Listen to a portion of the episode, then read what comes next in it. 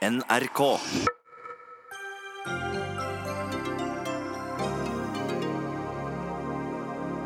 Det er historisk. Vi har en sjef for Statistisk sentralbyrå som ikke har tillit hos finansministeren, men som nekter å gå. Kristine Meier hevder hun er utsatt for politisk press, og frykter for byråets uavhengighet etter møtene med Siv Jensen. Hva skjer nå, spør vi jusprofessorer, kommentatorer, politikere og økonomer. Politileder ber skolene gjøre foreldremøter obligatoriske. Tvang er ingen god måte å få til samarbeid på, svarer foreldreutvalg. Og Arbeiderpartipolitiker vil frata muslimske trossamfunn i Norge statsstøtten dersom de ikke aktivt arbeider for integrering. Hvordan skal 40% kvinner i moskestyrene kunne hindre at somaliske foreldre bortfører barna til tortur i hjemlandet?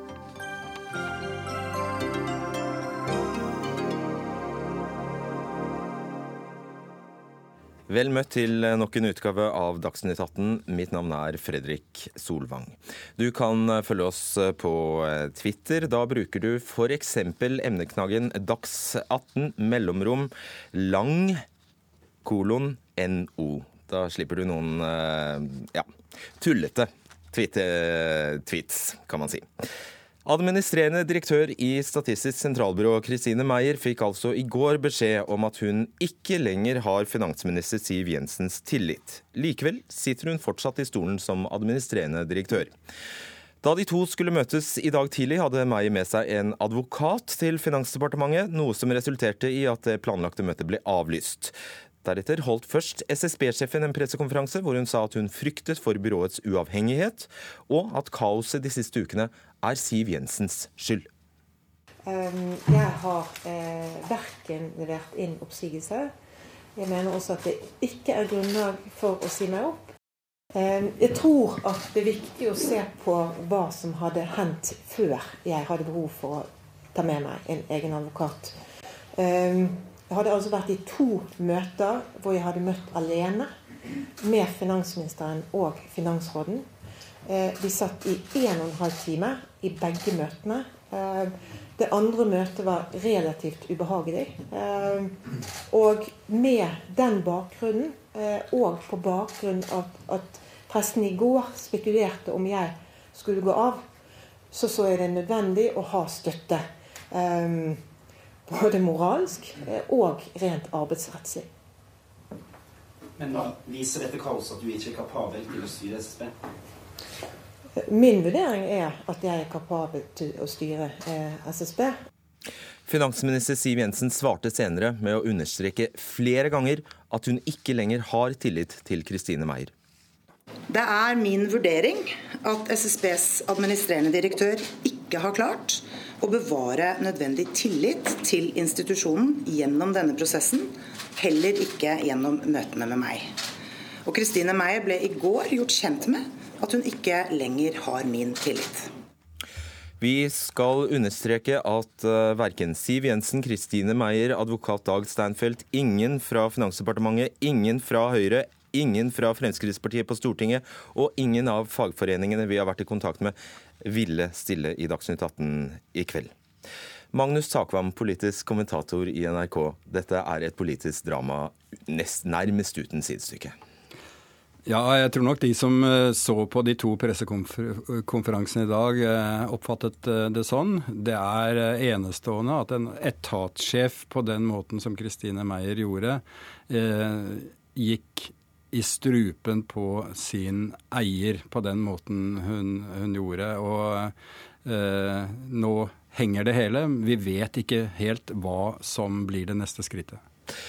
Altså, eh, la oss eh, gå tilbake til eh, da faktisk NRK var blant de mediene som erfarte at Kristine Meyer eh, ville gå.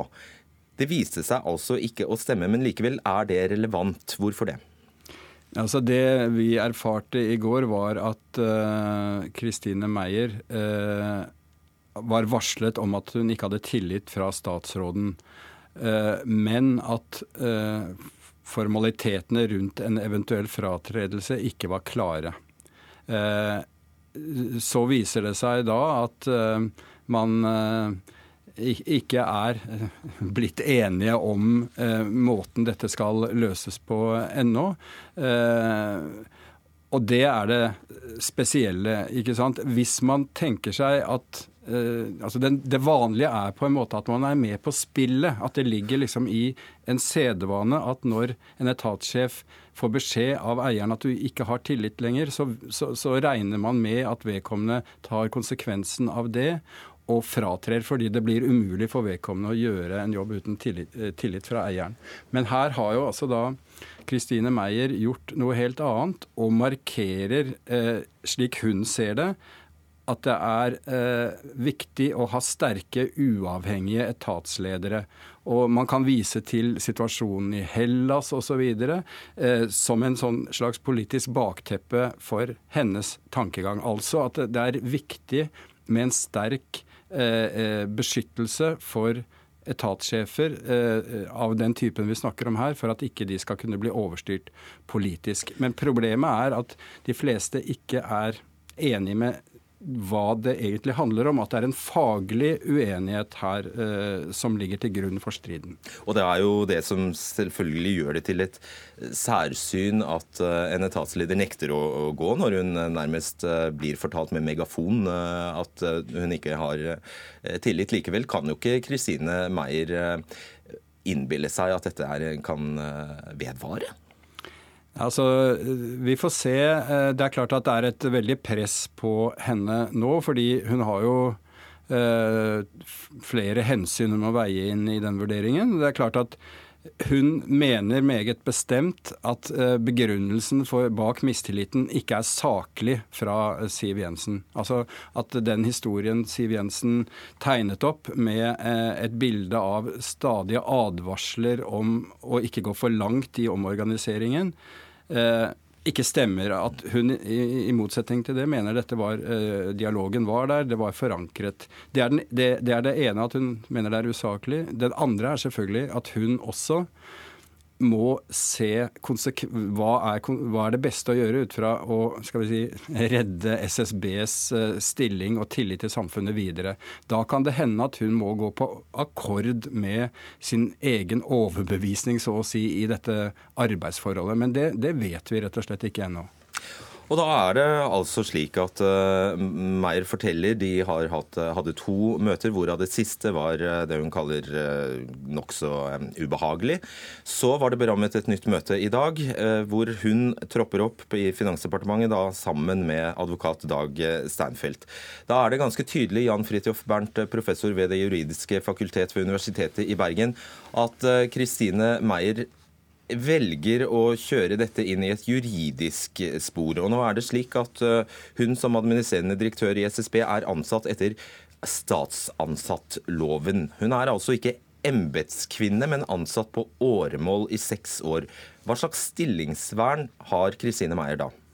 Nei, Det er jo mange typer av stillingsvern man har, men det viktigste i denne sammenheng er jo det at man har et vern mot å bli oppsagt hvis ikke dette skjer på et saklig velbegrunnet eh, grunnlag. Hvor strengt er det? Ja, Det må jo uh, vurderes litt fra stillingskategori til stillingskategori. og det, Vi får vel begynne med å si at det er klart at uh, når det gjelder ledere for en stor etat, så stiller man jo større krav til tjenesteutførelsen enn til en uh, menig medarbeider.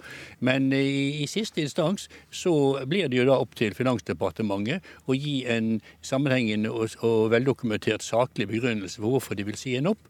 Og så vil man da måtte vurdere om dette på bakgrunn av den stillingen hun har, og ikke minst på bakgrunn av den status som SSB har, er saklig velbegrunnet. Og da er det altså slik vi skal merke oss det, at finansminister Siv Jensen understreker at hun har ikke sagt opp eh, Kristine Meier i det hele tatt. Hun har kun uttrykt at hun ikke har eh, tillit til henne. Hvor stille, hvordan stiller dette seg da juridisk, Bernt? Ja, Det er jo da et eksempel på de problemene som oppstår når en politiker går inn og prøver å styre på tvers av de etablerte styringssystemene. Eh, utgangspunktet er jo det at Kristine eh, Meyer i første instans skal svare til for, for, det hun gjør overfor sitt styre.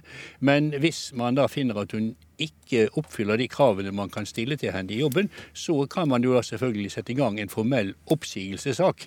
Eh, oppsigelsesmyndighet her, eh, det vil i utgangspunktet være den instans som tilsatte den, og dvs. Si Kongen i statsråd. Men eh, det kan da tenkes at Finansdepartementet har fått en fullmakt til å behandle den saken, men den må de i tilfelle da kunne vise frem. Og da er det, hvis jeg forstår det rett, statsansattlovens paragraf 20 bokstav c som er eh, gjeldende på grunn av, altså oppsigelse pga. den statsansattes forhold pga. vedvarende mangelfull arbeidsutførelse er uskikket for stillingen vi snakker om. Det, det, da skal det en del til. Ja, det kan man si, men altså uh, igjen, uten overhodet å mene noe om den konkrete sammenhengen, så det er klart at uh, hvis en uh, sjef for en etat ikke leverer det som de politiske ledelse med saklig grunn kan forvente av den, så er jo det tilstrekkelig til at man vil kunne reise spørsmål om oppsigelse. Er det nok å bare ytre mistillit? Nei, altså jeg synes at dette er blitt en veldig uryddig prosess. Både ved at man først ikke sier det, men bare så å si mimer det, ved å si at man ikke vil svare på spørsmålet om man har tillit, og deretter gå inn i en prosess hvor det stadig vekk holdes åpent, eller iallfall ikke startes noen prosess om formell oppsigelse. En, oppsigelsesprosess er en alvorlig sak som bør følge et ryddig og formelt spor, slik ikke minst at den som da eventuelt kan bli oppsagt, vet hva man har å holde seg til. Hvordan, hvordan tolker du at hun hadde med seg Dag Steinfeld, som altså da eh, ble, ble nektet å komme inn? Altså det, det som skjedde når eh, Dag Steinfeld eh, troppet opp eh, i Finansdepartementet, var at Siv Jensen avlyste møtet, rett og slett. Er det, er det slik at de samme reglene gjelder for Meyer som for andre som skal følge statsansattloven? At hun kan, kan, ha med seg en tillitsvalgt eller en rådgiver eller advokat hvis det er et møte om oppsigelse? Ja, jeg vil mene at jeg gjør det absolutt. Og jeg vil mene at slik som saken nå har utviklet seg, så er det åpenbart at selv om ikke det er utferdiget noen formell oppsigelse, så er det helt tydelig for all verden at nå er spørsmål om hvorvidt hun skal bli oppsagt, på, på dagsorden, og da er det en sak om oppsigelse, og da har hun rett til å ta med seg advokat. Men kan ikke Siv Jensen bare si da at eh, det var i går jeg ga meg Meyer beskjed om at, henne, at, hun ikke har min eh, tillit, og møtet i dag, skulle, der skal vi drikke kaffe og spise kaker? Det kan hun si, men jeg tror ikke hun vil bli trodd på det. Magnus uh, Takvam, ja, vær så. Nei, altså slik jeg har forstått det, så er det, selv om det ikke betyr all verden, så er det først i dag formelt eh, uh, Altså den beskjeden Kristine Meyer har fått, er et varsel om en kommende mistillit. Altså Formelt har hun ikke fått den beskjeden før, før Siv Jensen sa det offentlig på på sin eh, pressekonferanse i dag. Men det er klart at Kristine eh, Meyer har visst at det kom, altså fra i går. Ja, hvis jeg bare kan skyte inn et juridisk poeng der. fordi at Dette har vi jo paralleller til på andre områder innenfor forvaltningsretten. Og det er klart at Når, man, når et forvaltningsorgan notorisk har satt i gang en sak hvor de vurderer å treffe et bestemt vedtak, så har vi en sak som den det gjelder skal få formelt varsel om, og som da gir vedkommende alle partsrettigheter. Det er ikke nok at man skal sitte og vente på at man sender ut et eller annet formelt brev etter at man nå har fundert over saken og kanskje begynt å gi signaler i media i flere dager. Hva betyr det at man får alle partsrettigheter? Passrettigheter betyr jo da at man har rett bl.a. til å ta advokat, man har rett til å bli presentert for det som er grunnlaget for oppsigelsen i skriftlig form, eh, slik at man kan forholde seg til det og komme med sine motinnlegg. Mm. Er det da enkelte ting som rett og slett ikke kunne blitt sagt, eller ikke kunne blitt drøftet i et møte der eh, advokat Steinfeld var til stede? Nei. Det Svaret på det er nei. Når man har en advokat, så er advokaten eh, den som representerer parten fullt ut og skal få all informasjon. Og har selvfølgelig taushetsplikt hvis det kommer inn opplysninger som er taushetspliktbelagte. Mm. Da er det altså den, eh, vi står i den situasjonen at Meyer hevder hun har fulgt opp eh, fulgt alle lover og regler. Hun har gjort jobben sin, gjort som departementet har ønsket, uh, fulgt tildelingsbrevet. Men Siv Jensen altså hevder stikk motsatt, og at hun senest i mars da eh, ga beskjed Eh, til SSB om at eh, SSB ikke skulle foreta noen større endringer eh, før dette statistikklovutvalgets arbeid og tilrådinger var klart. Når saken står der, kan det da ende med rettssak, dette her, Bernt? Ja, det kan det åpenbart. For det er en rekke spørsmål som må avklares. For det første er det jo klart at sånn som vi får det presentert i media, så er det jo mye som er uklart når det gjelder fakta. Hva er sagt, hvem har sagt det? På hvilken måte er det sagt? På hvilken måte kan det oppfattes? Eh, I hvilken utstrekning kan man si at en statsråd kan gi eller noen i departementet kan gi uformelle styringssignaler som er bindende for en direktør for en etat. Og I hvilken utstrekning vil man forlange at disse skal komme skikkelig og ordentlig ryddig til uttrykk i skriftlige dokumenter, som etterpå kan vises frem som bevis på hva som er sagt. Og Hvis du skulle spå, hva ville utfallet av en rettssak kunne bli? Nei, Det tør jeg rett og slett ikke si. Både fordi at faktum er så uklart, også fordi at vi er inne på et område her hvor vurderingsnormen er veldig uklar. Jeg vil kanskje bare skyte inn at eh, det er ikke helt riktig å bare si at dette er et eksempel på en generell problemstilling om etatssjefers vern mot oppsigelse. Eh, SSB er et veldig særeget eh, forvaltningsorgan, hvor det ligger så å si i hele oppnevningen at det skal være, ha en mye større grad av uavhengig status enn f.eks. utredningsavdelingen i Finansdepartementet. SSB er i høyeste grad ment å være en instans som skal ha allmenn tillit utenfor, også utenfor regjeringsbygget. Mm. Fordi at de skal stå for faglige standpunkt som man er helt sikker på ikke er styrt av og ikke er preget av regjeringens ønsker.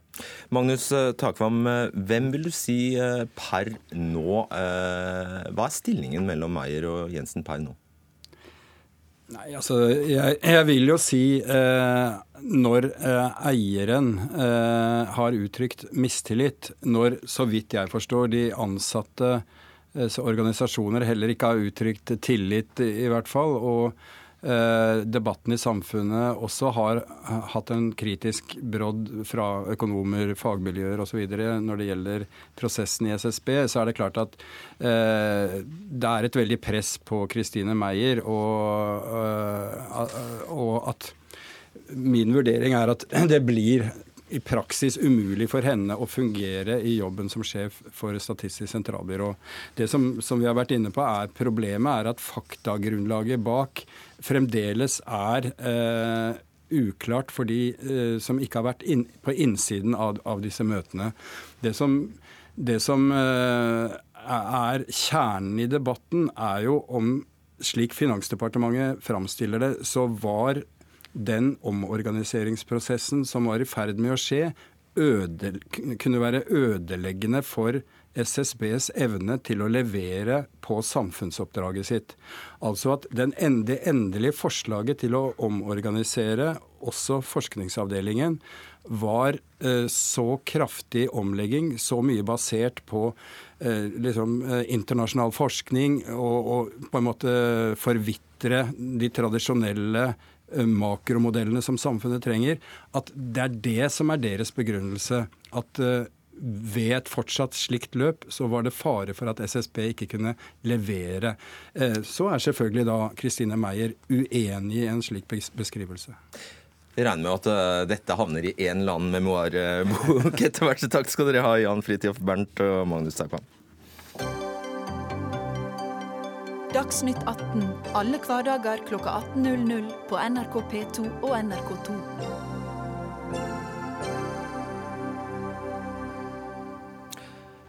Opposisjonen på eh, Stortinget er svært kritisk til at finansminister Siv Jensen eh, har sagt hun ikke har tillit til SSB-leder Kristine Meyer. SVs finanspolitiske talsperson Kari Elisabeth Kaski sier til NTB at eh, Jensen har utvist elendig lederskap i saken. Også Arbeiderpartiet er kritisk til eh, departementets styring av omorganiseringen i SSB. og skal jeg bare gjenta deg at eh, Fremskrittspartiet og Høyre ønsker ikke å delta i debatt her i dag. Trond Giske, nestleder i både finanskomiteen og Arbeiderpartiet. Hvordan vurderer du Siv Jensens håndtering av denne saken? For det første er det jo en veldig alvorlig situasjon når den ansvarlige statsråden og en etatssjef i et så viktig organ som Statistisk sentralbyrå er i full åpen offentlig krig. Eh, og Jan Fridtjof Bernt sa jo litt om det stillingsvernet Kristine Meyer har, men det er også sånn at Statistisk sentralbyrå som institusjon er nedfelt i en egen lov. Der står det i statistikklovens paragraf 4 at det er styret som bestemmer årsbudsjett, det er dem som bestemmer arbeidsplan, og for øvrig er det direktøren som bestemmer. Så her er jo spørsmålet om Siv Jensen har forholdt seg til loven, rett og slett, om hun har fulgt de rollene som hun skal ha, opp mot uh, SSB. Ja, men det, bare for å smette inn det, det, det, særlige med SSB er jo også at styret har ikke noe med ansettelsen av administrerende direktør å gjøre. Nei, helt korrekt, og det har ikke Siv Jensen heller. Det er faktisk Kongen, i statsråd som tilsetter direktøren. Så skal det sies at finansministeren må selvfølgelig ha en mening om SSBs rolle, og det er hun ansvarlig for overfor Stortinget. Så på overordna nivå, hvilken oppgave SSB skal fylle, hvilke type samfunnsoppdrag de skal ta på seg, det må hun som politiker ha en mening om. Men her kan det jo virke som at det som fikk henne til til slutt å begynne å gripe inn mot SSB, var flytting av en enkeltforsker og spørsmålet om forskning på innvandringsregnskap. Hvis det viser seg å være riktig, så vil det være et fullstendig brudd med de rollene som finansministeren skal ha opp mot SSB. Eh, det, det skjønner vi. Eh, mistenker du det? Det er i hvert fall sånn at Vi har stilt spørsmål om denne omorganiseringa i SSB helt siden februar. Da stilte Arbeiderpartiet det første skriftlige spørsmålet om dette. Om det ikke var klokt å vente til etter dette utvalget som kommer mot slutten av året, var ferdig. Så at Siv Jensen har visst i snart et år at eh, denne omorganiseringa foregikk uten å foreta seg noe, og først fikk denne tilspissa situasjonen da dette med innvandrerregnskap og flytting av en forsker på det området kom på dagsorden, det er nå et uh, åpenbart faktum. Så får vi da stille spørsmål om hva har Siv Jensen sendt av signaler tidligere. Du stiller bare spørsmål, du. Ja, jeg bare konstaterer at Kristine Meyer hun sier at hun føler at hun har hatt backing for prinsippene om omorganiseringa, og at Siv Jensen har grepet inn på en måte som hun mener truer SSBs uavhengighet. Ja. Siv Jensen sier det motsatte, så det er Stortingets oppgave eh, Så jeg bare spurte deg hvem du trodde på. Ja, ja Vi skal ja. finne ut det, hva ja, okay. er faktum i denne saken. Det må vi, jeg er spent på hvem du tror på, Sigbjørn Gjelsvik, medlem av finanskomiteen fra Senterpartiet. fordi dere jo, har jo for så vidt både vært ute med kritikk av begge, begge parter her, både Kristin Maier og Siv Jensen. Ja, og det er fortsatt grunnlag for å ha kritikk av begge parter. Altså det som, Så hvem kritiserer du mest nå? Jo, men altså det, det, som en, det, som en, måtte kunne forvente den dagen her, er jo at de to partene som sitter sentralt i den saka her, som hadde varsla at en skulle ha et møte, forsøkte å både bidra til å skape ro Ja, Men det greide de ikke, så hvem kritiserer du mest? Nei, nei, men nettopp derfor. Ja, men Da er det til sjuende og sist Siv Jensen som sitter med okay. det politiske ansvaret her. Og, og det som òg Trond Giske er inne på. ikke sant? Altså, Den begrunnelsen som Siv Jensen bruker i dag for at hun ikke har tillit til, til Kristine Meyer, hvis det er det som er den reelle begrunnelsen, da er jo spørsmålet i neste omgang hvorfor har hun da latt det gå så lang tid? Altså Den rapporten fra, fra SSB, som både Arbeiderpartiet, parter i arbeidslivet og vi har stilt spørsmål ved over lengre tid, den kom altså i januar og fikk umiddelbart både men, betydelig meg, ja, men du, eh, jeg må minne om at det var Senterpartiet eh, som gikk ut og antydet at eh, Kristine Meyer drev politikk i Statistisk sentralbyrå. Ja, Vi har stilt spørsmål med flere ulike ting her. Og, og nå kritiserer du Siv Jensen. Ja, det er Siv Jensen som sitter her som ansvarlig statsråd, som har ansvaret for SSB, og som har ansvaret for, for å bringe den saka her videre. Og det er ganske alvorlig når Siv Jensen i dag, det som hun har bidratt med, er å si at hun ikke har tillit til SSB-sjefen. Hva som vil skje videre her, det er jo fullstendig uavklart. Nå har det vært et styremøte som fortsatt heller ikke har gitt noe avklaring. For SSB sin del så er det en særdeles krevende situasjon å stå oppe i. Hilde Frafjord Jonsson, generalsekretær i Kristelig Folkeparti. Du er med oss fra landsstyremøtet i partiet ditt. Har du tillit til Siv Jensens håndtering av denne saken? Det som er helt klart, er at uh, Statistisk sentralbyrå har et helt særegent samfunnsoppdrag. Det er annerledes enn alle andre underliggende fagetater i forvaltningen. Uh, det fremgikk også av det Trond Giske omtalte. Og det er ingen tvil om at det at det nå har vært debatt rundt en slik håndtering, det gjør at vi stiller spørsmålstegn ved om SSBs uavhengighet er tilstrekkelig ivaretatt. Det er alvorlig, eh, og det gjør at eh, vi er veldig bekymret. Ja, Men det der, det, hva betyr det? Nei, Det betyr jo at håndteringen her er noe vi stiller spørsmålstegn ved. Ja, men Hva betyr det? Altså, det, det vi stiller spørsmålstegn ved håndteringen, det sier jo ingenting. Ja, Det betyr ikke at, at, KrF kan her gå rundt og snakke om tillit eller mistillit til en håndtering av en statsråd. Det er altfor tidlig å trekke konklusjoner i den retningen. Det vi gjør nå, det er å spørre klart og tydelig finansministeren. Er, har, ivaretar hun nå uavhengigheten til SSB? Det vil hun jo svare ja på.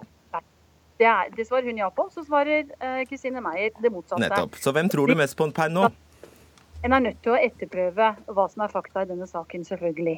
Eh, politisk ledelse i noe departement kan ikke påvirke SSBs faglige troverdighet eh, på noen som helst måte. Og det er behov for en klargjøring eh, også i Stortinget at dette heller ikke har Ja, men jeg prøver å eske ut av deg om du per nå tror mest på Kristine Meyer eller Siv Jensen. Vi kan ikke tro før vi vet mer om fakta i saken, men vi er i hvert fall kritiske til håndteringen. Okay. Det er ja, ja, der fikk jeg eh, i det minste det. Kritiske til eh, håndteringen. Trond, eh, Trond Giske. Hvilke konsekvenser altså Denne situasjonen er jo alle enige om neppe kan vedvare. Nå hørte du jo Bernt si, fortelle at dette er, kan jo bli en nokså gjørmete juridisk affære. Hva tenker du? Altså, jeg tror for det første at dette er som en god gammel westernfilm. Det er ikke plass til oss begge her i denne byen, og én må gå. Og det kommer til å bli Kristine Meyer, tror jeg. Det er ikke sånn at Siv Jensen sitter mer uttrykt enn hun. Det kommer til å være et spørsmål om tid og penger, tror jeg, før den saken er løst. Men om det er ryddig, om rollene er fulgt, det er jo det Stortinget kommer til å måtte ettergå. Og eh, hva tror vi på og ikke tror på? Jeg tror i hvert fall ikke at denne omorganiseringa som har pågått da hele dette året, har vært ukjent for departementet. Det er jeg helt sikker på at de har visst om, bl.a. fordi vi har stilt spørsmål om det fra Stortinget. Eh, og det er også da helt åpenbart Så... at det er først nå Siv Jensen setter dette på spissen. Et av spørsmålene vi må stille, men, er jo hvilke signaler har hun gitt tidligere rundt denne omorganiseringen? Ja, hvilken men, dialog har vært der om rollene? altså Siv Jensen Det er umulig å motstride det Siv Jensen viste til i sin redegjørelse, nemlig at i, i mars ga hun beskjed om at uh, eh, SSB kan ikke, eller bør ikke, foreta større endringer som foregriper Statistikklovutvalgets arbeid og tilrådninger. Og Man må, må, jo anta at en så stor omlegging av uh, forskningsavdelingen inngår i en sånn eh, beskrivelse. Ja da, men da vi stilte spørsmål i februar om akkurat dette, så sa eh, Siv Jensen til, i svar til Marianne Martinsen at hun hadde tillit til at Kristine Meyer, eller hun viste til at Kristine Meyer hadde redegjort for at denne omgjøringa av forskningsavdelinga ikke ville gå utover SSB-oppdrag. Så det var jo helt tydelig at hun visste om denne organiseringa av forskningsavdelinga allerede i februar. La meg stille deg et e- enkelt spørsmål som jeg håper du også kan svare veldig enkelt på. Hvor mye av dette tror du handler om innvandringsstatistikk? For Siv Jensens vedkommende så tror jeg at eh, det i hvert fall innad i Frp kom et helt annet trykk da det ble offentlig og kom på dagsorden at uh, den forskeren som jobba med innvandringsstatistikken, skulle flyttes på. Det var da det ble uh, vind i seila. Vi har jo vært bekymra på et helt annet At den lille tua der har velta det store lasset? Ja, altså, vi har jo vært bekymra ut ifra et annet perspektiv, nemlig SSBs rolle opp mot lønnsoppgjørene. De gir faktagrunnlaget der. Klimatiltak, uh, forskning på den norske modellen. Alt det som vi gjør i Stortinget av vedtak, har jo ofte grunnlag i fakta fra SSB. Den uavhengigheten og den gode kvaliteten på det arbeidet har vært vår bekymring. Der har vi hørt lite eller Nettopp. ingenting fra Frp hele våren. Første gangen vi hørte fra Frp, det var da én forsker som jobba med innvandringssaker ble flytta på, ja. og da kom også Siv Jensen på banen. Sigbjørn Gjelsvik, syns du finansministeren burde ha grepet inn tidligere, altså før nå i slutten av oktober? Altså hvis det er den begrunnelsen som vi gir i dag som er den reelle, så er det god grunn til å stille spørsmål hvorfor hun da ikke har tatt tak tidligere, når eh, den kritikken har kommet fra mange ulike hold over mange måneder. så du fester lit til Siv Jensens redegjørelse? Nei, men altså spørsmålet er jo hvis den er reell. Jeg spør, Fester du lit til den? Nei, altså jeg har problemer med å feste lit ja. til, til, den redegjørelsen, at det er den reelle begrunnelsen, men kanskje en del av begrunnelsen. Men hvis det hadde vært den reelle begrunnelsen, så burde jo ha grepet inn på et tidligere tidspunkt, ikke minst av hensyn til SSB og de som jobber i SSB. Men det er jo òg problemet sånn som det står nå. For at situasjonen for forskningsavdelinga, den er jo uavklart. Den er bare satt på vent til Statistikklovutvalget ja, men Du har jo nesten fått det som du vil. Nei, men, nei, men altså det som, som, er gjort, er jo at det er bare satt, satt, på vent. Alle de som da jobber i forskningsavdelinga, som er berørt av det her, de vet jo ikke hva som vil skje. De har bare fått en utsatt frist. Derfor så burde en istedenfor, hvis en først skulle gripe inn sånn som det her, si at det, det arbeidet det blir stansa. Så kommer Statistikklovutvalget med sine konklusjoner, så blir en politisk oppfølging av det i etterkant. Så får jo en ny ledelse i SSB vurdere hva det skal bety for noe. Men det at det skal ligge som et skjelett i skuffen, det tidligere arbeidet som er gjort, det er en uklok måte å håndtere det på for alle de ansatte. For den tilliten ja, det oppdraget som SSB skal utføre. Det kan jo være en annen måte å lese det Siv Jensen sier på. For hun sier at omorganiseringa ikke foregriper eller at det ikke har, Hun har bedt om at det ikke skal skje noe som ikke foregriper utvalgets innstilling. Mm. Hvis utvalgets innstilling går i retning av det Kristine Meyer allerede drev med, så har jo Siv Jensen helt rett i det hun sier, samtidig som Kristine Meyer hadde backing på å omorganisere. Så det blir jo spennende å se da hva denne innstillinga innebærer. For det kan jo hende at Siv Jensen egentlig med den setningen faktisk sier at Kristine Meyer har hatt støtte fra Finansdepartementet. Ja, ja, ja, hva tror du om det, Jonsson? Nei, Det blir spennende å se. Jeg tror eh, Det som, som, først og fremst skal ta tak i dette, er jo selvfølgelig styret i SSB. Så jeg syns de er litt fraværende i diskusjonen her. For det er veldig viktig at uh, den faglige jobben og vurderingen skjer der. Ja, De har faktisk og, hatt et møte i dag der Kristine Meyer var ikke tema engang. Nettopp. Og hvor de har behandlet brevet fra Finansdepartementet, så vidt jeg forstår. Så det blir veldig viktig også at man opptrer ryddig her, sånn at styret får sagt sitt. Deretter kommer saken eh, til, eh, til, eh, til departement og storting. Så Det blir en veldig viktig runde. og Det jeg har lyst til å understreke, det er jo at det er en spesiell utfordring Statistisk sentralbyrå har, nemlig i forskningssammenheng så skal de levere toppkvalitet samtidig som det skal være anvendt. Og Det er ikke lett å finne en god løsning på dette, og derfor er dette utrolig viktig. og Det blir at Statistikklovutvalgets innstilling og omorganisering av SSB må ses i sammenheng, slik at begge hensyn blir ivaretatt. Så Det er noe av det som man må sørge for i prosessen her. Yes, Tusen takk skal dere ha, Trond Giske, Sigbjørn Gjelsvik og Hilde Frafjord Jonsson.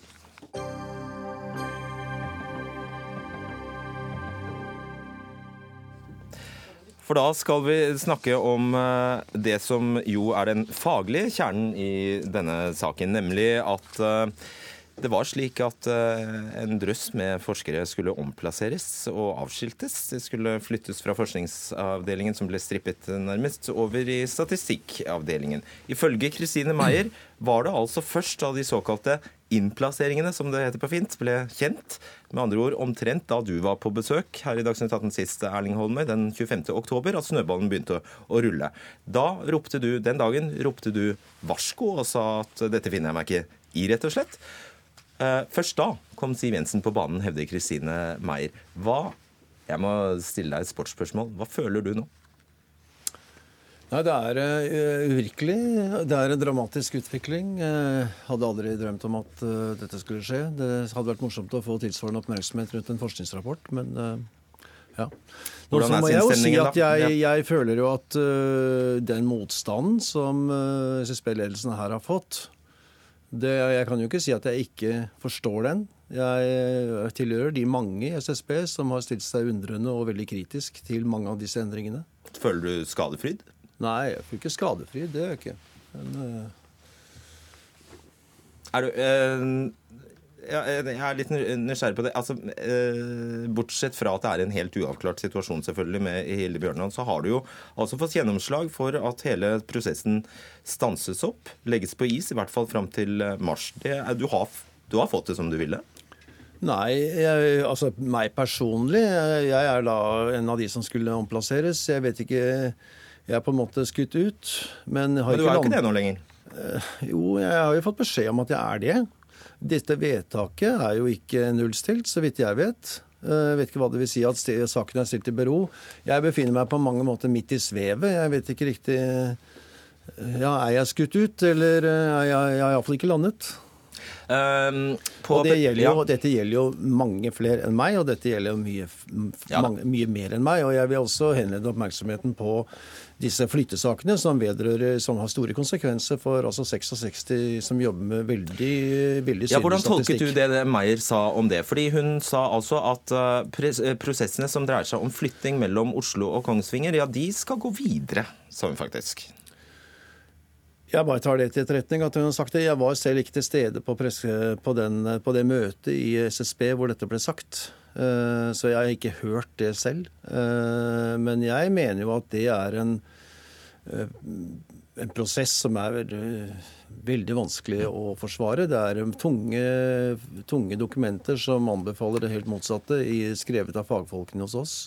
Du vet veldig godt Erling Holmøy, at mange mener at denne saken først, først fikk momentum i det innvandring ble tema, og idet du egentlig kom på, på banen. På pressekonferansen påsto Meyer at hun hadde blitt presset av departementet på innvandring, og at en helt ordinær kvalitetssikringsprosess før publisering av en rapport har, har blitt oppfattet av sensur av Finansdepartementet. Og det var din rapport hun siktet til der. Ja, her, det, her, er det flere spørsmål. Jeg tror at uh, min vurderingen av meg ville vært den samme om dette hadde vært et annet tema enn innvandring. Tror du virkelig? Ja, jeg tror dette handler om en form for ensretting av forskningen i SSB. Uh, det er Innenfor samfunnsøkonomifaget nå så har, er det en retning som har veldig vind i seilene, som ofte kalles den empiriske revolusjon.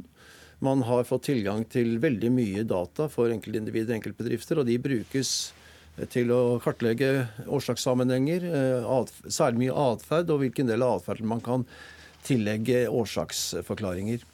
Og det er veldig mye interessant som skjer, også innad i vår avdeling. Det står likevel i, som et alternativ til den tradisjonelle måten å jobbe på, hvor vi lager disse store beregningsmodellene for å se fremover, eller se på, se på alternativet. Hvordan ville det gått hvis man isteden hadde gjort noe annet. Og Det er ikke tvil om at uh, den retningen, sistnevnte retning, som jeg selv tilhører, og som har dominert avdelingen gjennom mange tiår, den har vært systematisk nedvurdert og kritisert uh, det siste året. Og det er de stillingene som på en måte er under press, og som skal overtas av denne andre retningen. Og disse kriteriene Det er flere som passerte alle de kriteriene, men som ikke hadde jobbet med de riktige tingene, ikke de riktige temaene. Dette med å ha drevet empiri, det ble tolket på en veldig innsnevret måte, syns mange av oss. Så dette er en ensretting, og jeg tror det ville skjedd uavhengig av hvilket konkret tema jeg tror hadde skrevet. Tror du virkelig det, Erling? Med hånden på hjertet, Erling Holmøy, tror du virkelig at dette hadde skjedd, hadde det ikke vært for at du gikk ut den dagen, 25. Jo, men jeg gikk ut fordi jeg ble kontaktet av media. For det var overraskende for mange at ikke jeg skulle lenger tilhøre forskningsavdelingen. Og jeg tror den bestemmelsen, den beslutningen av min forskningsdirektør, eller den ledelsen som foretok denne beslutningen, den ville vært den samme om jeg hadde, en, hadde vært innom innvandringsforskning. Altså Det meste av min forskning er ikke om innvandring. Nei, men det er vi alle klar over. Men det at altså overskriften lød 'innvandringsregnskapets øh, øh, far', eller hva det, nå, øh, var, avskiltes. Og det var sånn saken eksploderte, og her er vi i dag. Ja, jeg, denne saken fikk på en måte et ansikt gjennom fordi jeg var kjent. Og, og, det som kanskje har gjort meg mer kjent enn andre ting, er at dette med innvandring er et touchy tema. Jeg har hatt en fremskutt rolle i å levere analyser som sier noe kontroversielt om de tingene der. Så de, jeg tror det var det som var årsaken. til at Og er det bare et siste spørsmål, Tror du fremdeles at det var sånn at uh, uh, Står du ved den antydningen om at, uh, om at det var nettopp tema for din forskning som var uspiselig for Kristin Meyer? Nei, jeg tror ikke det. Men jeg tror, og jeg vet ikke hvilken, hvilken grad Kristine Meyer egentlig har vært inne og vurdert disse forskningsmessige spesialiseringsretningene. Men det er helt klart for meg og mange med meg at det er en, temat, en, en, en ensretting når det gjelder metodikk, som er det sentrale her. Og den ensrettingen går i stikk motsatt vei av det Finansdepartementet i år etter år i det senere tiden og klarere og klarere har uttrykt i tildelingsbrevet som det de vil at forskningsavdelingen skal prioritere. Og det har vært et veldig vanskelig spagat for oss som har vært opptatt av å levere på det. At vi har ført et press i motsatt retning Eh, som, og, og blir kritisert nærmest for at vi leverer. Takk skal du ha, forsker i Statistisk sentralbyrå, Erling Holmøy. Inn i studio kommer eh, Hilde Bjørnland, professor i samfunnsøkonomi ved Handelshøyskolen BI. Du satt altså i dette utvalget som foreslo omorganiseringen av SSB. Vel å merke var det vel der i mindretall. I dag er det altså denne prosessen som er satt på vent. Hva sier du til det? Så nå var ikke vi i en komité som foreslo omorganisering. Eh, vi var i en komité som skulle komme med en strategi for å løfte forskningsavdelingen, eller løfte forskningen i forskningsavdelingen. Eh, og vi var, som ville kreve omorganisering? Som ville kreve at man eh, utvidet modellapparatet. Fikk flere modeller, for vi mente det hadde vært for ensrettet. Og som også ville kreve at man forankret forskningen mer i internasjonale tidsskrift. Publiserte sånn som man bør gjøre når man forsker, i tidsskrift internasjonalt. Og at man eh, burde kanskje være færre forskere som forsket liksom rent rundt liksom utvikling av modeller, og heller flere som drev med analyse av modellen og prognoser av modellen. Egentlig alt det Erling Holmøy og veldig mange flere med han da har protestert mot. Hva, og da lurer jeg veldig på hva du tenker i dag når denne prosessen nå er satt Så jeg tenker at det er, Man må skille mellom det som er fag og prosess. For det, det, er mange, man, det er mange forskjellige ting man har protestert mot. Så én ting er sant, når du først skal gjøre en sånn gjøre en omorganisering, så kan man jo gjøre det man trenger jo ikke gjøre det med sånn veldig raskt. Man kan jo utsette det, og man kunne vente til Statistikklovutvalget hadde kommet med sin anbefaling. Og man kunne vært tydelig på hvordan de som da skulle drive mer med analyse og prognoser og sånn, hvor de skulle være. Så sånn sett så kunne man jo gjort dette her på en måte som forankret det bedre. Ja, for du hefter ikke ved hvordan dette faktisk er operasjonalisert i SSB? Nei, jeg har ikke noe med det å gjøre. Jeg det har ikke du hatt noe med å gjøre, nei. Men, Men det, er det lov å tolke deg dit hen at du syns det har gått for fort, sett fra sidelinjen? Jeg syns i hvert fall at det er litt problematisk at det kommer før det statistikklovutvalget. Men det, poengene som vi påpekte, nemlig det at forskningsavdelingen burde utvide modellapparatet, at de burde publisere mer i internasjonale tidsskrift på et høyere nivå, det problemet er jo ikke borte. Så det er jo der fortsatt at, at forskningsavdelingen må gjøre noen grep da, for å løfte forskningen sin. Ja, ja, ja. Hvor tålelig var den egentlig, eller er den? Det er ikke det at den er så dårlig, men det er det at de er veldig mange. Eh, og ikke alle driver like mye med forskning. Eh, og at de, i hvert fall det som jeg skrev sammen med en annen, det, som gikk på evaluering av makromodeller, da, at jeg hadde fokusert veldig mye på én type modell, som har vært der i mange år, istedenfor å utvide modellapparatet med flere modeller. Hvorfor er, eh, hvorfor er det bra? Nei, for Da får du en forankring i forhold til sant, hvordan er, Som økonom så er det mange vinduer inn til virkeligheten. Så det vi mente var at det er bedre å utvikle flere modeller som, kunne, som var spesialt egnet til å svare på forskjellige spørsmål, enn én stor modell som ble som en sånn svær black box som skulle svare på alle spørsmål. Så bedre å ha flere modeller til å svare på forskjellige spørsmål, og det gjør det også lettere å publisere det i, i tidsskrift. Så det er den veien forskningen går, da. La oss si at uh, det blir en permanent tilstand, dette her. At uh, omorganiseringen legges på is. Hva da? Nei, Jeg tror ikke problemet som, sagt, eh, som vi påpekte, blir borte. Eh, det som er uheldig nå, er at det er blitt så utrolig mye støy eh, rundt SSB og rundt statistikkproduksjon. ikke sant? Så det er mange andre ting som har dukket opp i kjølvannet av dette, og det er uheldig for SSB. Så de er jo tjent med å få løst den liksom, prosess problemet rundt prosessen sin først. Men så må du gjøre noe grep med forskningsavdelingen, og da kan det hende at de bør kaste kortene nå litt annerledes og tenke litt bredere rundt det. da. Ehm, det har jo vært påpekt fra mange hold at SSB er faktisk veldig gode på å lage prognoser. De treffer eh, godt, så hvorfor eh, endre noe som funker? Nei, De treffer helt OK, men eh, det er mange andre som treffer godt òg. Vi har jo sånn prognosekonkurranse da, en gang i året. og Der tror jeg de fikk førsteplassen i 2005. Og så har DNB vunnet et år, og Norges Bank har vunnet et år, og departementet har vunnet et år. Så det er mange som har vunnet. Så det er ikke det som er problemet, at ikke de liksom treffer innimellom. Men det er, ikke, det, er på, det er, ikke, det alle bør drive med. Det er mye annet de bør drive med òg. Det var liksom poenget. Og alle kappes jo nærmest om å poengtere viktigheten av SSB, og hvor, eh, ja, hvor eh, nærmest eh, ja, samfunnsessensiell SSB er. Kan du Stemmer det? Er de så viktige? SSB er jo viktige, men eh, som statistikkprodusent er det jo veldig viktig. Det er det de driver med. Og det er viktig at det er kvalitet og at det, er, at det gjøres på en god måte. Men det som, eh, akkurat liksom hvor forskningsavdelingen skal ligge, om den skal ligge i SSB eller om den skulle ligge et, et annet sted, det er ikke på en måte helt opplagt. Og det er det Statistikklovutvalget skal se på. I Sverige har de jo f.eks. noe som heter Konjunkturinstituttet. De har ikke en forskningsavdeling i SSB, det er noe som heter Konjunkturinstituttet, som ligger utenfor eh, Statistisk sentralbyrå, og som gjør den type analyser da, som SSB nå driver med. Bare en siste ting. Eh, Holmøy har jo mål, målbåret at eh, dette kravet til eh, internasjonal publisering i nivå 2-tidsskrifter, det er helt urealistisk for den type eh, forskning han eh, har bedrevet. Det ville rett og slett ha hatt null interesse hos disse tidsskriftene, det. Det han driver med, har han påstått. Altså, jeg er ikke helt enig med det. Jeg har full respekt for det han driver med. Men det å publisere empiriske analyser om norsk økonomi, det er fullt mulig hvis dataene er unike, modellen er state of the art, og at spørsmålene er interessante. Så det er fullt mulig. Men det betyr ikke at man skal gjøre bare det. Man kan jo også drive med den type analyse som, som han gjør, men man må gjøre det også. Det er poenget. Takk, Hilde Bjørnland.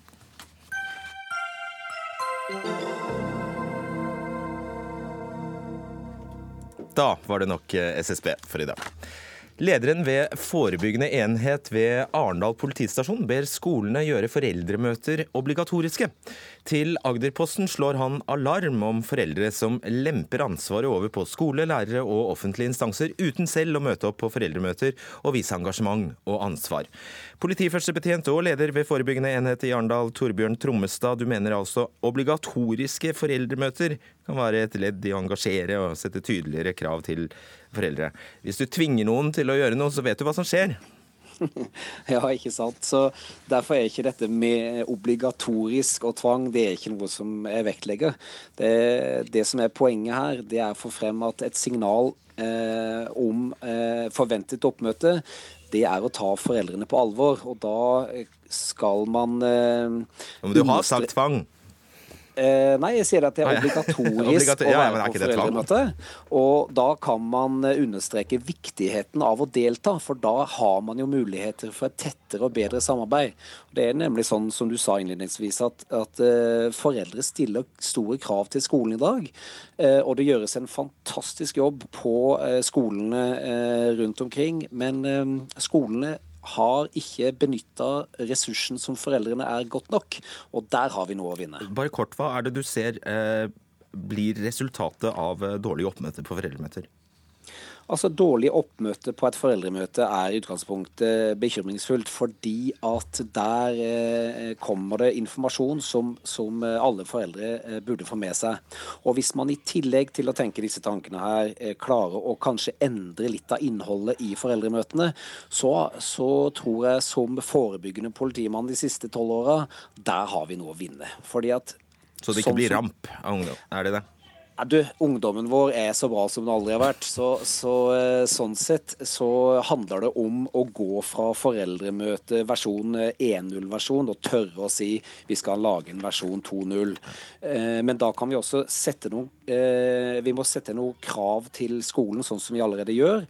Og det som vi trenger, det er at skolen setter noen krav til foreldrene. Fordi at veldig mange eh, skoler de har ikke tydelige krav i forhold til hva som forventes av foreldre ja. når de leier inn barnet sitt i første klasse, eh, i hele tida hvor de kommer og henter den ut til tiende. Ja. Eh, Gunn Irén Gulløy Müller, du er leder for foreldreutvalget for eh, grunnopplæringen. Det er en kjensgjerning at mange foreldre bare sluntrer unna foreldremøter. Eh, det høres, nesten, det høres egentlig ut som en god idé med obligatorisk oppmøte? Altså, vi er veldig opptatt av et godt hjem-skolesamarbeid. Og tvang det er ikke noe som bidrar til gode relasjoner eller som styrker samarbeidet mellom hjem og skole. Så pliktig oppmøte det tror jeg ikke har noe for seg. Hva kan det føre til, da? Pliktig oppmøte? Ja. altså, eh, jeg tenker at eh, det har man jo ikke hjemmel for engang i opplæringsloven. sånn at... Eh, så... Man bare endre loven, da, men Forutsatt at man endrer loven, hva, hva ville, ville det vært kontraproduktivt? Er det det du sier? Jeg tror det. Fordi jeg tror skolen gjør bedre i å stille seg spørsmålet hvorfor kommer ikke foreldrene? Det er mange grunner til at de ikke de kommer. Altså, Noen kan ha rett og slett en vanskelig eh, livssituasjon som gjør at eh, det eh, altså Ved sykdom eller annet. Men hvis du tenker på de vanlige, alminnelige, friske foreldrene, da, så er det jo Det kan være praktiske ting. altså Det kan være mangel på barnevakt. Det kan være dårlig beskjed fra skolen om når møtet skal være, sånn at man har vakt på jobben f.eks. når møtet er satt opp. Mm. Det, altså, det er mange altså det, Tolketjeneste mangler ofte. Det burde ha vært på mange foreldremøter, men det mangler. sånn at det er jo en del som opplever at de forstår ikke det som blir sagt der, og har lite utbytte av å komme. Alt dette her er du vel enig i, Tromsdal? Ja, absolutt. Og det som er hele clouet her, er jo det at det er foreldrene. Uansett hvordan du snur og vender på det, så er det foreldrene som er den viktigste forebyggeren til barna. Eh, og når vi vet det, så tenker jeg det at eh, vi har bare så utrolig mye å vinne på å bruke foreldrene som den positive ressursen de faktisk er. Og nå, det, nå, kan det nesten virke som at det er ingen foreldre som kommer på foreldremøte. Det er ikke riktig. Nesten alle foreldre kommer på foreldremøte, og de ønsker å bidra. Men ved å si det at eh, dette kan vi faktisk gjøre bedre, så kan vi eh, oppnå bedre resultater for alle. Og jeg er helt enig. Kanskje noen ikke kommer på foreldremøte fordi at uh, de ikke forstår innkallinga. Det kan være at de har utfordringer, uh, f.eks. Uh, sosial angst eller andre ting. Da kan, hvis vi tør å ta opp disse tingene og prate om det i foreldregruppene, ja, men da kan det jo være at en som er nabo til han med sosial angst, tar ansvar for å invitere han med Eh, kjøre innom og, får den med, og sitter ved siden mm. på møtet. Og så har man faktisk fått med den pappaen som ikke har vært på foreldremøte noen gang. Mille, litt sosialt press pleier å funke. Jo da, eh, jeg ser den. Eh, men, jeg tenker igjen at det er skolen som må undersøke hva som er bakgrunnen for at den enkelte eventuelt velger eller ikke får til å komme. Og, og, og forsøke å løse det på en eller annen måte. Og vi tror ikke at tvang fører til at flere foreldre møter opp. Så det å det, heller å gjøre, enn å gjøre det obligatorisk, eh, eller ja, som du sier, med litt sånn sosial tvang, så bør skolen kommunisere hvor viktige foreldrene er. Og jobbe med å nå frem til det alle med tydelig informasjon, og motivere til å delta. Um, altså det er som sagt mange årsaker til at ikke de kommer, men, men mye kan ha med måten foreldrene inviteres på, og innholdet i møtet. Ok, Du får avslutte, Tromsø. Ja, ja men det er, er én ting som er viktig, og det er at møtene gjøres meningsfylt for foreldrene. at ikke det er bare en informasjonsstrøm fra skolens side. Det må være noe som skolemiljø og andre ting som foreldrene er opptatt av, som foregår på disse møtene. Det er, eh, det er viktig at eh, de kjenner at, altså foreldrene kjenner at deres bidrag har verdi. Ja, for det er en kjensgjerning Trommestad, at en del foreldremøter kan være usigelig kjedelige. Det er helt riktig. Og hvorfor ikke snu på rekkefølgen på et foreldremøte, der vi eh, tar tak i de viktige tingene først. Vi snakker om klassemiljø, vi snakker om det som faktisk betyr noe for oss foreldre. Eh, som gjør at eh, barna våre blir de barna på skolen som vi ønsker å ha der. Og så kan vi snakke om fag, den siste delen av foreldremøtet. Fordi at eh, faget, det er skolen jo helt suverene på å jobbe med den dagen i dag. Tusen takk for dette helt frivillige oppmøtet, Torbjørn Tromstad og Gunn Irén Gulløy Miller. Hør Dagsnytt 18 når du vil. Radio NRK Radio.nrk.no.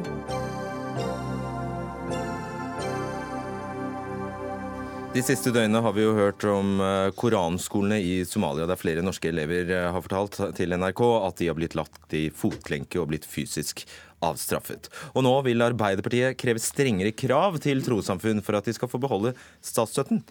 Eh, Masud Gharahkhani, du er eh, stortingsrepresentant fra Arbeiderpartiet, og dette sier du til VG. Forklar meg, hvilken sammenheng er det mellom moskeer og tortur av egne barn i eh, Somalia? Først har jeg lyst til å si at eh, Når enkelte muslimske foreldre velger å sende barna sine på koransreise, hvor de også blir utsatt for tortur, eh, så er det totalt uakseptabelt. Eller det er faktisk ulovlig? Ja, det er, ja, det er ulovlig. Det er kriminelt, og det bør slås hardt ned på.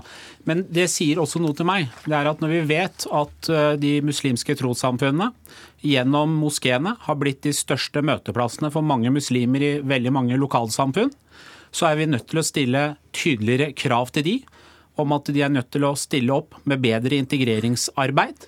Derfor sier vi i Arbeiderpartiet at vi ønsker å ha en forpliktende avtale med moskeene om at de skal bidra i integreringsarbeidet. Det handler bl.a. om å bekjempe koranreiser.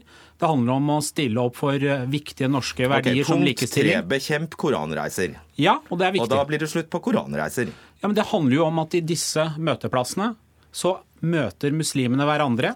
Da har de et ansvar å stille opp, gi beskjeden til foreldrene at sånn skal vi ikke ha det i Norge. Og dersom de moskeene, de trossamfunnene, ikke vil stille opp i det integreringsarbeidet, så mener jeg Konsekvensen er at da skal de få kutt i statsstøtten. Vi er nødt til okay. å stille tydeligere krav. Det er helt avgjørende for at vi skal kunne skape et godt samfunn Greit. i Norge. Basim Goslan, leder i Rabita-moskeen eh, i Oslo. Uh, Oslo. Uh, hvor mange somaliske barn har du sendt til Somalia for å bli torturert? Veldig mange. En del? Uh, nei, altså jeg kjenner ingen barn, verken somaliske eller ikke-somaliske, som har reist til slike koranskoler som det er snakk om. Og det er jeg veldig glad for. Eh, altså jeg jeg syns i hvert fall at det er veldig bra at Masud og andre politikere ønsker å sette tiltak for å forebygge denne kriminaliteten. Men jeg opplever dette forslaget nesten som hvis sjefen kommer på jobb og finner at noen ansatte skulker og ikke gjør en god jobb, så begynner han å kjefte på de som er på plass, og de som gjør en god jobb. Hvorfor er de andre ikke her, liksom? Vi er jo her, vi gjør en god jobb. ikke sant? Så vi, det er ikke vi man skal rette pekefinger mot. Ok, Du retter bakeforsmed, Gharahkhani. Altså, jeg er ikke overrasket over denne reaksjonen som kommer uh, fra disse miljøene. Det er derfor jeg mener at det er viktig at vi fremmer dette forslaget. For Nei, Forhold deg til det han sier. Ja, jeg forholder meg til det han sier. Jo, men jeg forholder meg til det han sier. Det vi vet, det er at i de store lokalsamfunnene hvor det er mange muslimer, så er trossamfunnet gjennom moskeene største møteplassen. Der er det også disse foreldrene kommer og praktiserer religionen sin. Det er også der man vet om tilfeller hvor det sendes barn til utlandet. Da må man kunne stille krav om at de må gi informasjon til politiet, gi informasjon til kommunen, for å kunne bekjempe dette. Og du kommer deg ikke så lett unna, selv om du ikke har sendt noen til Somalia. Så er det en kjensmoské at du har somaliere i moskeen som påvirkes der. Nettopp. Så er jeg skyldig, ikke sant.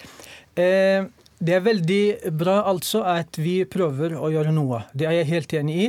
Og hvis du mener at moralsk sett så har moskeene et ansvar, så er jeg helt enig. Men hvis du mener at regjeringen skal stille eh, plikt, skal kreve at jeg som en styreleder skal begynne å overvåke folk og stoppe dem grensen. Han sa vel ikke noe annet enn at du skal melde fra til politiet hvis du hører om at noen blir sendt til Somalia eh, for tortur. Ok, og Hvordan skal du vite om jeg har vist eller ikke? Ikke sant? Jeg Ja, er mener, moralsk, moralsk, sett, jeg mener, moralsk sett har jeg virkelig stort ansvar, og jeg skal gjøre mitt beste. Men sånne ting kan ikke reguleres med loven, og regjeringen kan ikke blande seg i slike ting. Man kan jo se for seg at det blir litt vanskelig å praktisere. Poenget mitt er at eh, vi som er så heldige, som er kommet til Norge, hvor du bor i et fantastisk land, hvor man til og med staten gir penger for at du skal få mulighet til å praktisere religionen din, så må vi kunne stille en del krav. Ja, det har du sagt. Men jo, men det er utrolig viktig. praktiseringen av det? Ja, Praktiseringen av det handler nettopp om at de religiøse lederne som er i disse moskeene, må snakke om det. De må si at uh, har man hørt om tilfeller hvor eh, foreldre vurderer å sende barna Ja, på Hvordan skal du påvise at de ikke har gjort nok? Altså, det å påvise betyr jo bl.a. at de har en plikt til å informere kommunen. Ja, Hvordan skal du påvise at de ikke har, har informert nok? Fordi jeg mener at hvis f.eks. politiet eller barnevernet kjenner til tilfeller og ønsker å komme til en moské, så må den moskeen kunne åpne seg, kunne gi informasjon, kunne hjelpe til med å bringe informasjon videre til politiet, slik at man kan bekjempe dette. Det handler jo nettopp om å få på plass disse strukturene. For man vet at mange kommuner sliter med å komme inn i moskeene. Politiet sliter med å komme inn i moskeene. Da må vi sørge for at det finnes en forpliktelig samarbeid ute i den enkelte kommune som gir den muligheten, og at religiøse ledere gjentar og gjentar at sånn skal ikke skje. Det er viktig. Men er det vanskelig å opprette denne kontakten? Har noen av eh, politiet eller spurt om hjelp, og vi har sagt nei? Vi har alltid ønsket slike forespørsler velkommen. Vi er faktisk åpne for både politiet, for eh, andre eh, aktører i samfunnet. De kommer og snakker om det de ønsker. Vi bidrar med det vi kan. Er det ikke rart Men- at sånne praksiser foregår da? Nei, også, jeg syns det er veldig fint. eh, Hvis Nei, ja, Er det ikke rart at barn blir sendt til Somalia for tortur da? Det er kjemperart. Det er jo kriminelt, det, og, det, og det skjer heldigvis ikke så ofte. Dette må ikke gjøres som en, et fenomen, eh, somalisk fenomen eller muslimsk fenomen. at eh, nå må vi en dugnad for å stoppe det. Det er jo enkelttilfeller. Veldig få mennesker som har gjort det. På samme måte som veldig mange har stjålet. Mange, mange, mange gjør, dreper, mange gjør kriminelle ting. Dette er også en av dem. Det er enkeltindivider som har gjort det. Det er ikke et miljø som driver med sånn. Altså I går så valgte han å legge ut på Facebook Han var like opprørt over de foreldrene som sendte barna på koranreiser i utlandet, noe kriminelt, som han var over forslaget fra Arbeiderpartiet. Jeg mener Det sier noe om holdningene. Og til VG sier han ingen kan tvinge et trossamfunn til å undervise, forebygge kriminalitet og jobbe med å spre norske verdier. Jeg mener på det forslaget vi fremmer til uka, at vi skal nettopp tvinge moskeene til å fremme norske verdier, til å si at koranreiser vil vi ikke ha noe av, til å si at i Norge skal du lære deg norsk, innvandrerkvinner skal ut i arbeid. Dette handler om integrering og hva slags norsk samfunn vi skal et ha av i tida kravene er fremover. f.eks. at moskeene skal ha 40% kvinner i styrene. Det kan du jo snarest bare gjøre noe med. Det kan vi diskutere, og det er helt separat sak. Jeg Har du vet ikke, vi, vi jobber faktisk med saken. Vi har gått i gang. Vi har jobbet med det Og lenge. dette vil vi fremme. Vi har jobbet, Er du langt unna 40%? Men hva har dette med saken å gjøre? Jo, det har noe med saken å gjøre, for i Norge skal vi ha norsk likestilling og norske Ja likestillingsverdi. likestillingsverdier. Tror du det stille 40 krav. kvinner Nei, jeg har ikke tid til å stille spørsmål.